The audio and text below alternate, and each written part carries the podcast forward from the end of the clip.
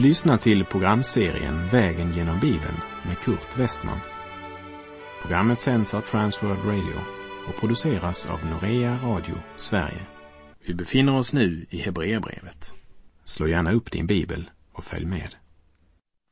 Vi har kommit till Hebreerbrevets femte kapitel som talar om Kristus som vår store överstepräst och förkunnar för oss hur mycket större Kristi översteprästliga gärning är jämfört med det levitiska prästadömet. I de tio första verserna så får vi en definition på en präst. Som jag tidigare nämnt hade Kristus ett trefaldigt ämbete. Profet, överste präst och konung. Och han är Guds sista ord till människan.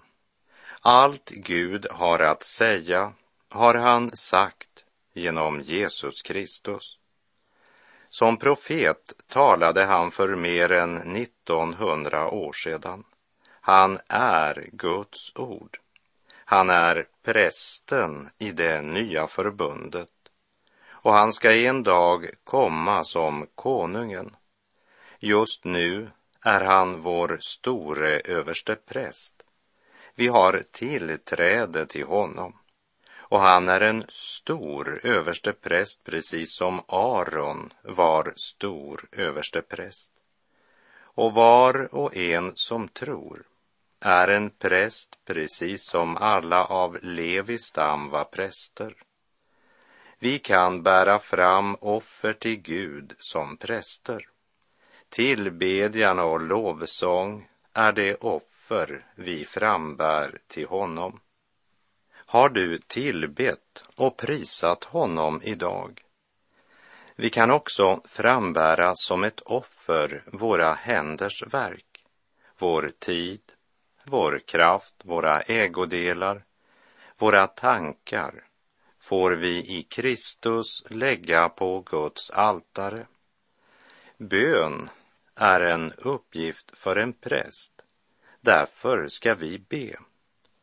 Petrus skriver i sitt första brev kapitel 2 och vers 5.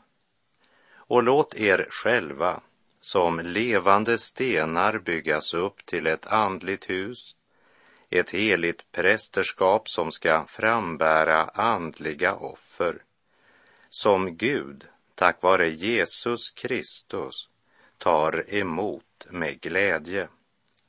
Och i kapitel 2, vers 9 skriver Petrus, men ni är ett utvalt släkte, ett konungsligt prästerskap, ett heligt folk, ett Guds eget folk, för att ni ska förkunna hans härliga gärningar, han som har kallat er från mörkret till sitt underbara ljus att få kunskap och inse både vår position i Kristus och de välsignade rättigheter som i Kristus nu tillhör oss. Det är något som verkligen kan råda bot på alla tekniker och knep och strategier som vi idag sysslar med i Kristi församling. Att få Kristus och vårt konungsliga allmänna prästämbete uppenbarat för våra hjärtan. Det råder bot på alla våra metoder och alla våra desperata försök och all mänsklig strävan. När det gäller gudstjänst och tillbedjan så ser vi idag två extrema avvägar. Den ena är starkt känsloladdad och den andra är mycket formell och rituell. Båda är mycket själiska, bara med helt olika form. Men ingen av avvägarna är någon verklig andlig tillbedjan. Vi behöver komma till Herren Jesus Kristus, personen som uppstod och lever och verkar idag för i hans närhet faller alla våra strategier, metoder och ritual. Vår gudstjänst och tillbedjan, den ska inte styras varken av suggestion eller av ritual och ceremonier. Vi ska styras av honom som Gud har gjort i huvudet för sin kropp, som är församlingen, nämligen Herren Jesus Kristus. Hebreerbrevets fjärde kapitel avslutade med en uppmaning om att vi med frimodighet skulle gå fram till nådens tron för att få barmhärtighet och finna nåd till hjälp i rätt tid. Och vår överste präst Jesus kan ge den hjälpen. Vi läser Hebreerbrevet 5, verserna 1 till och med 4. En överste präst utses alltid bland människor och blir insatt till att för människors räkning göra tjänst inför Gud och bära fram gåvor och offer för synder. Han kan ha fördrag med det okunniga och vilsegångna eftersom han själv är behäftad med svaghet och därför måste bära fram syndoffer både för folket och för sig själv. Ingen tar sig denna värdighet, utan till den blir man kallad av Gud, liksom Aron blev det. Den här tjänsten är alltså inte något som någon människa hittat på. Endast den som Gud kallar får denna tjänst. Aron och de som senare tjänstgjorde som överstepräster, de hade inga mänskliga företräden framför andra. De var också syndare. Därför var de tvungna att först bära fram ett offer för sin egen synd. När deras egen synd var sonad kunde de som felfria för sina medmänniskors räkning göra tjänst inför Gud. Enda kravet var att han skulle vara människa. Han utses alltid bland människor, stod det i första versen. Johannes skriver i Johannesevangeliets första kapitel, verserna 1 till och med 3. I begynnelsen var ordet och ordet var hos Gud och ordet var Gud. Han var i begynnelsen hos Gud. Genom honom har allt blivit till och utan honom har inget blivit till som är till. Och så kommer det i Johannes 1.14 som jag citerar från Bibel 2000s översättning. Och ordet blev människa och bodde bland oss. Och vi såg hans härlighet, en härlighet som den ende sonen får av sin fader. Och han var fylld av nåd och sanning.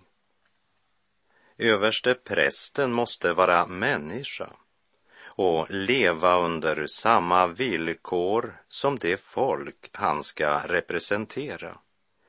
Men till den dagen då han ska komma, han som överste prästens tjänst pekar fram emot, så utövas det här ämbetet av människor som själva är syndare. Men när han kom så behövde han inte först bära fram ett offer för sin egen synd. För han var frestad i allt liksom vi men utan synd. Och han bar inte bara fram ett offer, han var själv offret. Vilken oerhörd skillnad. Han var utan synd, men blev gjord till synd då han försonade dina och mina synder på korset och han är nu överste präst i det allmänna prästadöme där alla som tror utgör ett heligt prästerskap. Överste prästen i det gamla förbundet kunde ha fördrag med de okunniga och vilsegångna eftersom han själv var behäftad med svaghet och därför måste bära fram syndoffer både för folket och för sig själv. I Johannes 8, vers 46 så frågar Jesus fariseerna vem av er kan överbevisa mig om synd? Så att Jesus har fördrag med de okunniga och vilsegångna, det bygger inte på att han själv är lika skröplig som oss, men det bygger på att han har fullbordat vad lagen krävde av oss. Det är fullbordat.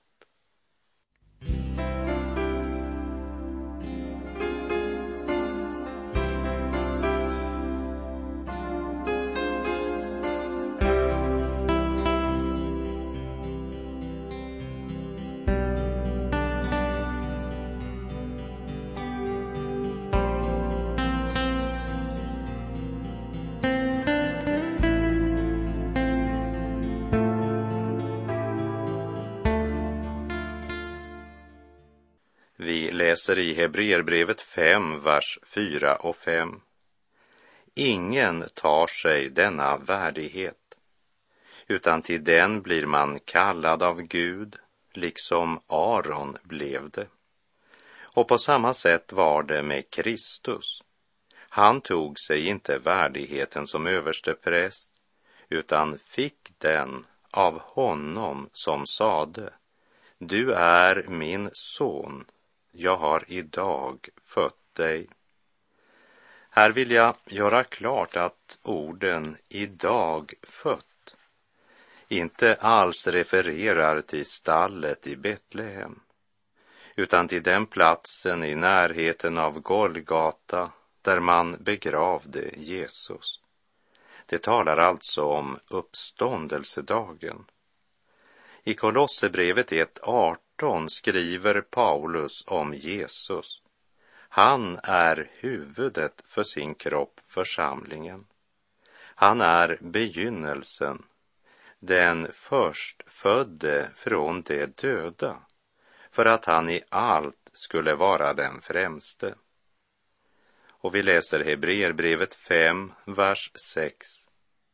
Han säger också på ett annat ställe du är präst för evigt på samma sätt som Melkisedek. Den gärning som Gud av evighet hade bestämt är nu utförd och fullbordad en gång för alla och gäller för alltid. Hebreerbrevet 5, vers 7. Medan han levde här i köttet ropade han högt under tårar när han bad och åkallade den som kunde rädda honom från döden. Och han blev bönhörd och tagen ur sin ångest. När översteprästerna och befälhavarna för tempelvakten och de äldste kom för att arrestera Jesus i Getsemane så sa han som mot en förbrytare har ni gått ut med svärd och påkar, trots att jag dagligen har varit bland er i templet har ni inte gripit mig. Men detta är er stund och nu råder mörkrets makt, som det står i Lukas evangeliets 22 kapitel. Nu råder mörkrets makt. Denna mörkrets makt hånade honom, arresterade honom, krönte honom med törnekrona, vittnade falskt mot honom för att kunna döma honom till döden, spottade honom i ansiktet, slog honom med knytnävarna och gav honom piskrapp, band honom och förde honom till Pilatus som lät gissla Jesus. Därefter så tog landshövdingens soldater Jesus med sig in i pretoriet och samlade hela vaktstyrkan kring honom. De tog av honom kläderna och klädde honom i en röd mantel, vred ihop en krona av törne och satte den på hans huvud. Och i hans högra hand satte de en käpp. Sen böjde de knä inför honom, hånade honom och sa Leve judarnas konung. Och allt lidande och all förnedring avslutades med den brutala och smärtfulla korsdöden. Och under hela sin gärning visste Jesus att det var detta som väntade honom. I Getsemane så var det närmare än någonsin. Och i Hebreerbrevet så beskrivs hans smärtfulla kamp så här. Medan han levde här i köttet ropade han högt under tårar när han bad och åkallade den som kunde rädda honom från döden. Och han blev bönhörd och tagen ur sin ångest. Lägg märke till att Hebreerbrevet 5.7 inte säger och han slapp lida eller han slapp dö. Men genom bönen fick Jesus erfara att han blev befriad från ångesten. I Getsemane visste ju Jesus att det finns ingen annan räddning för en förlorad mänsklighet än att lagen i allt uppfylls. Samtidigt kände han dödskampens mörker ta sitt struptag på honom. Och då vänder han sig till Fadern med sin nöd. Vi läser Hebreerbrevet 5, verserna 8 till och med 10. Fastän han var son lärde han sig lydnad genom sitt lidande. Och när han hade fullkomnat blev han upphovet till evig frälsning för alla som lyder honom. Och han blev av Gud kallad överste präst, en sådan präst som Melkisedek. Men jag ska villigt erkänna att jag inte förstår vad vers 8 säger. Fastän han var son lärde han sig lydnad genom sitt lidande. Därför ska jag inte heller försöka ge någon närmare förklaring på den versen, men bara säga att Jesus behövde inte lära lydnad därför att han var olydig. Men som människa behövde han få kraft av Fadern till denna lydnad. Och medan lärjungarna sov fick Jesus ensam utkämpa hela den svåra kampen mot syndens, dödens och djävulens makt. Och han var lydig intill döden på korset. Därför kunde han också från korset proklamera, det är fullbordat.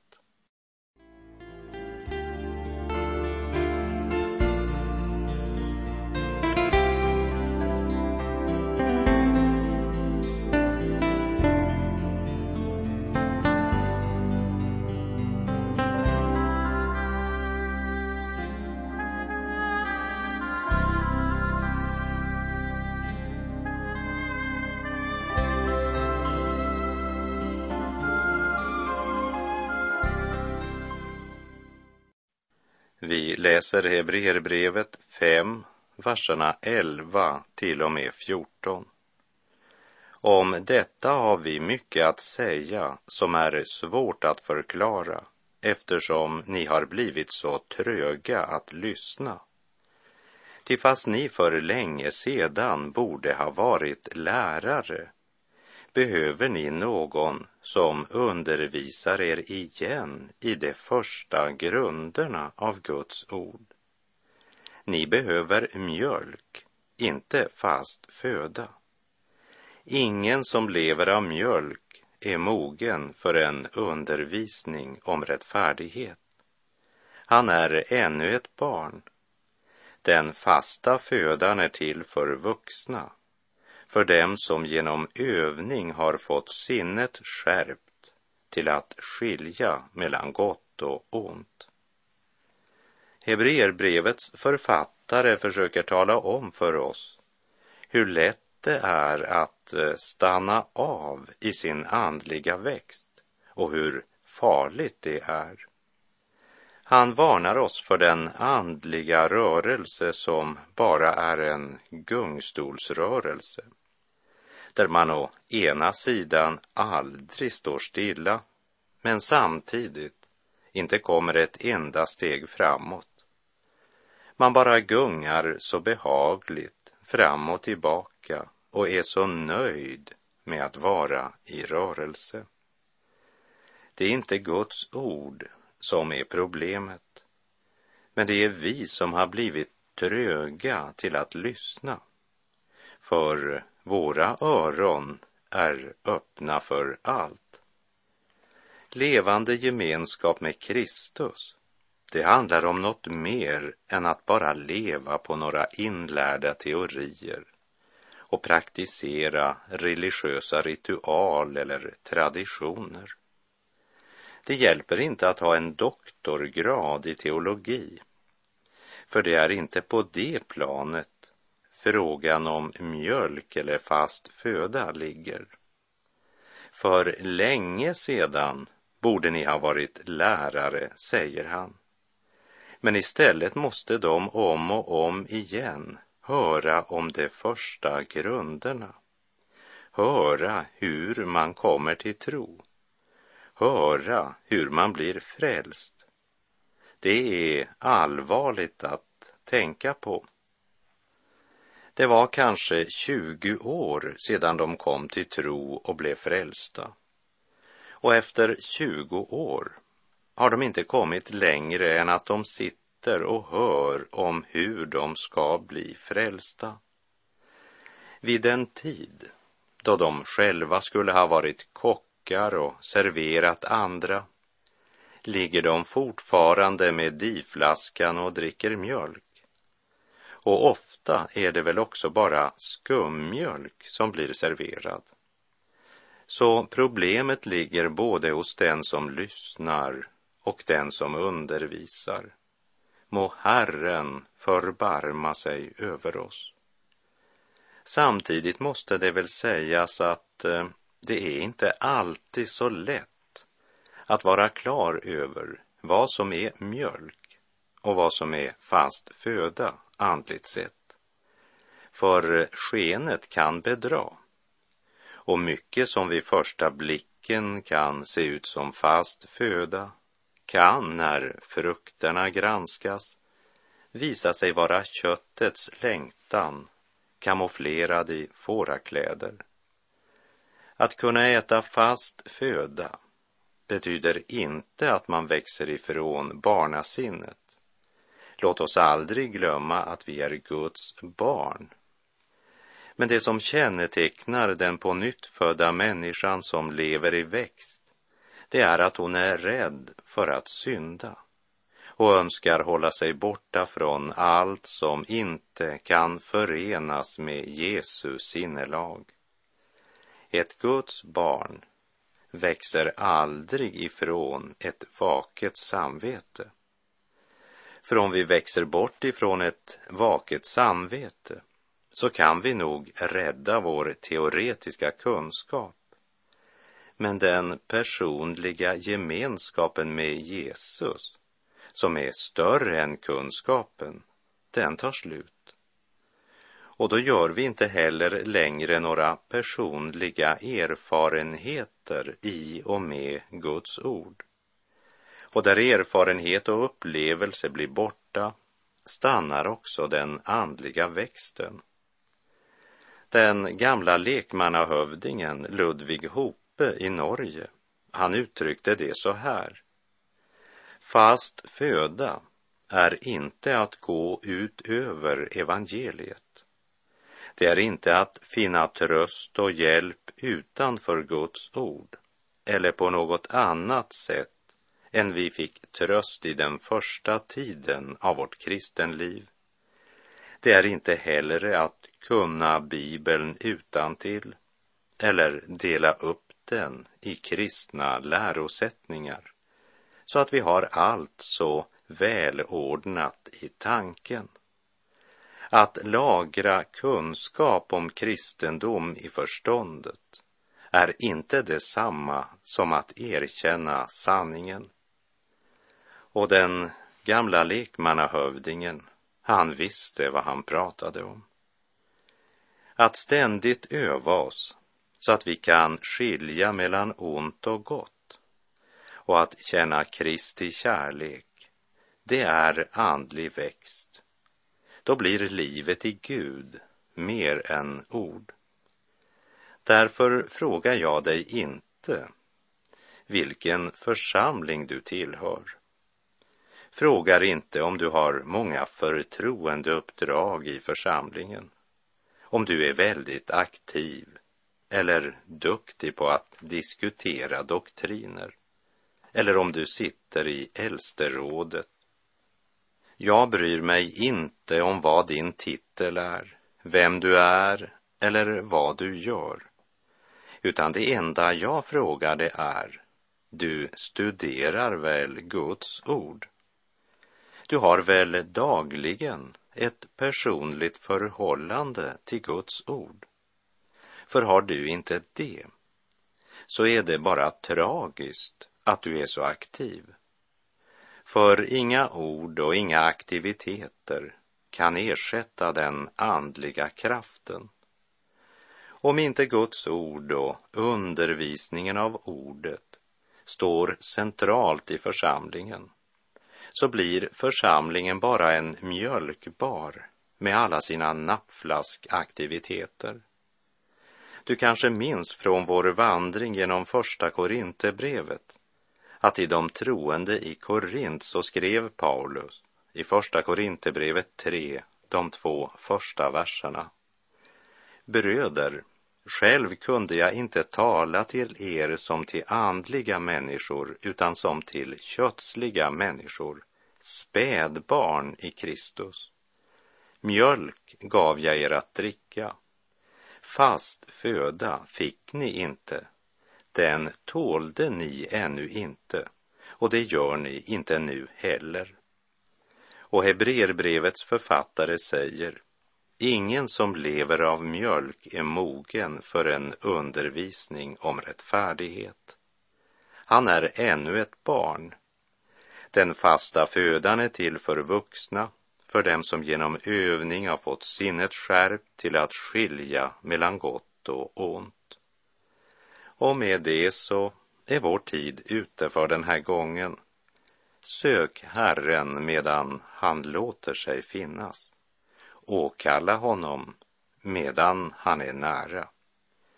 Herren vare med dig, må hans välsignelse vila över dig. Gud är god.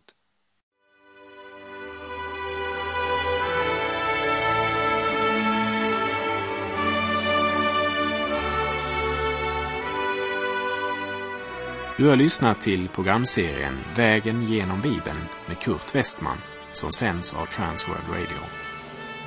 Programserien är producerad av Norea Radio Sverige. Om du önskar mer information om vårt radiomissionsarbete så skriv till Norea Radio Sverige, box 3419 103 68 Stockholm.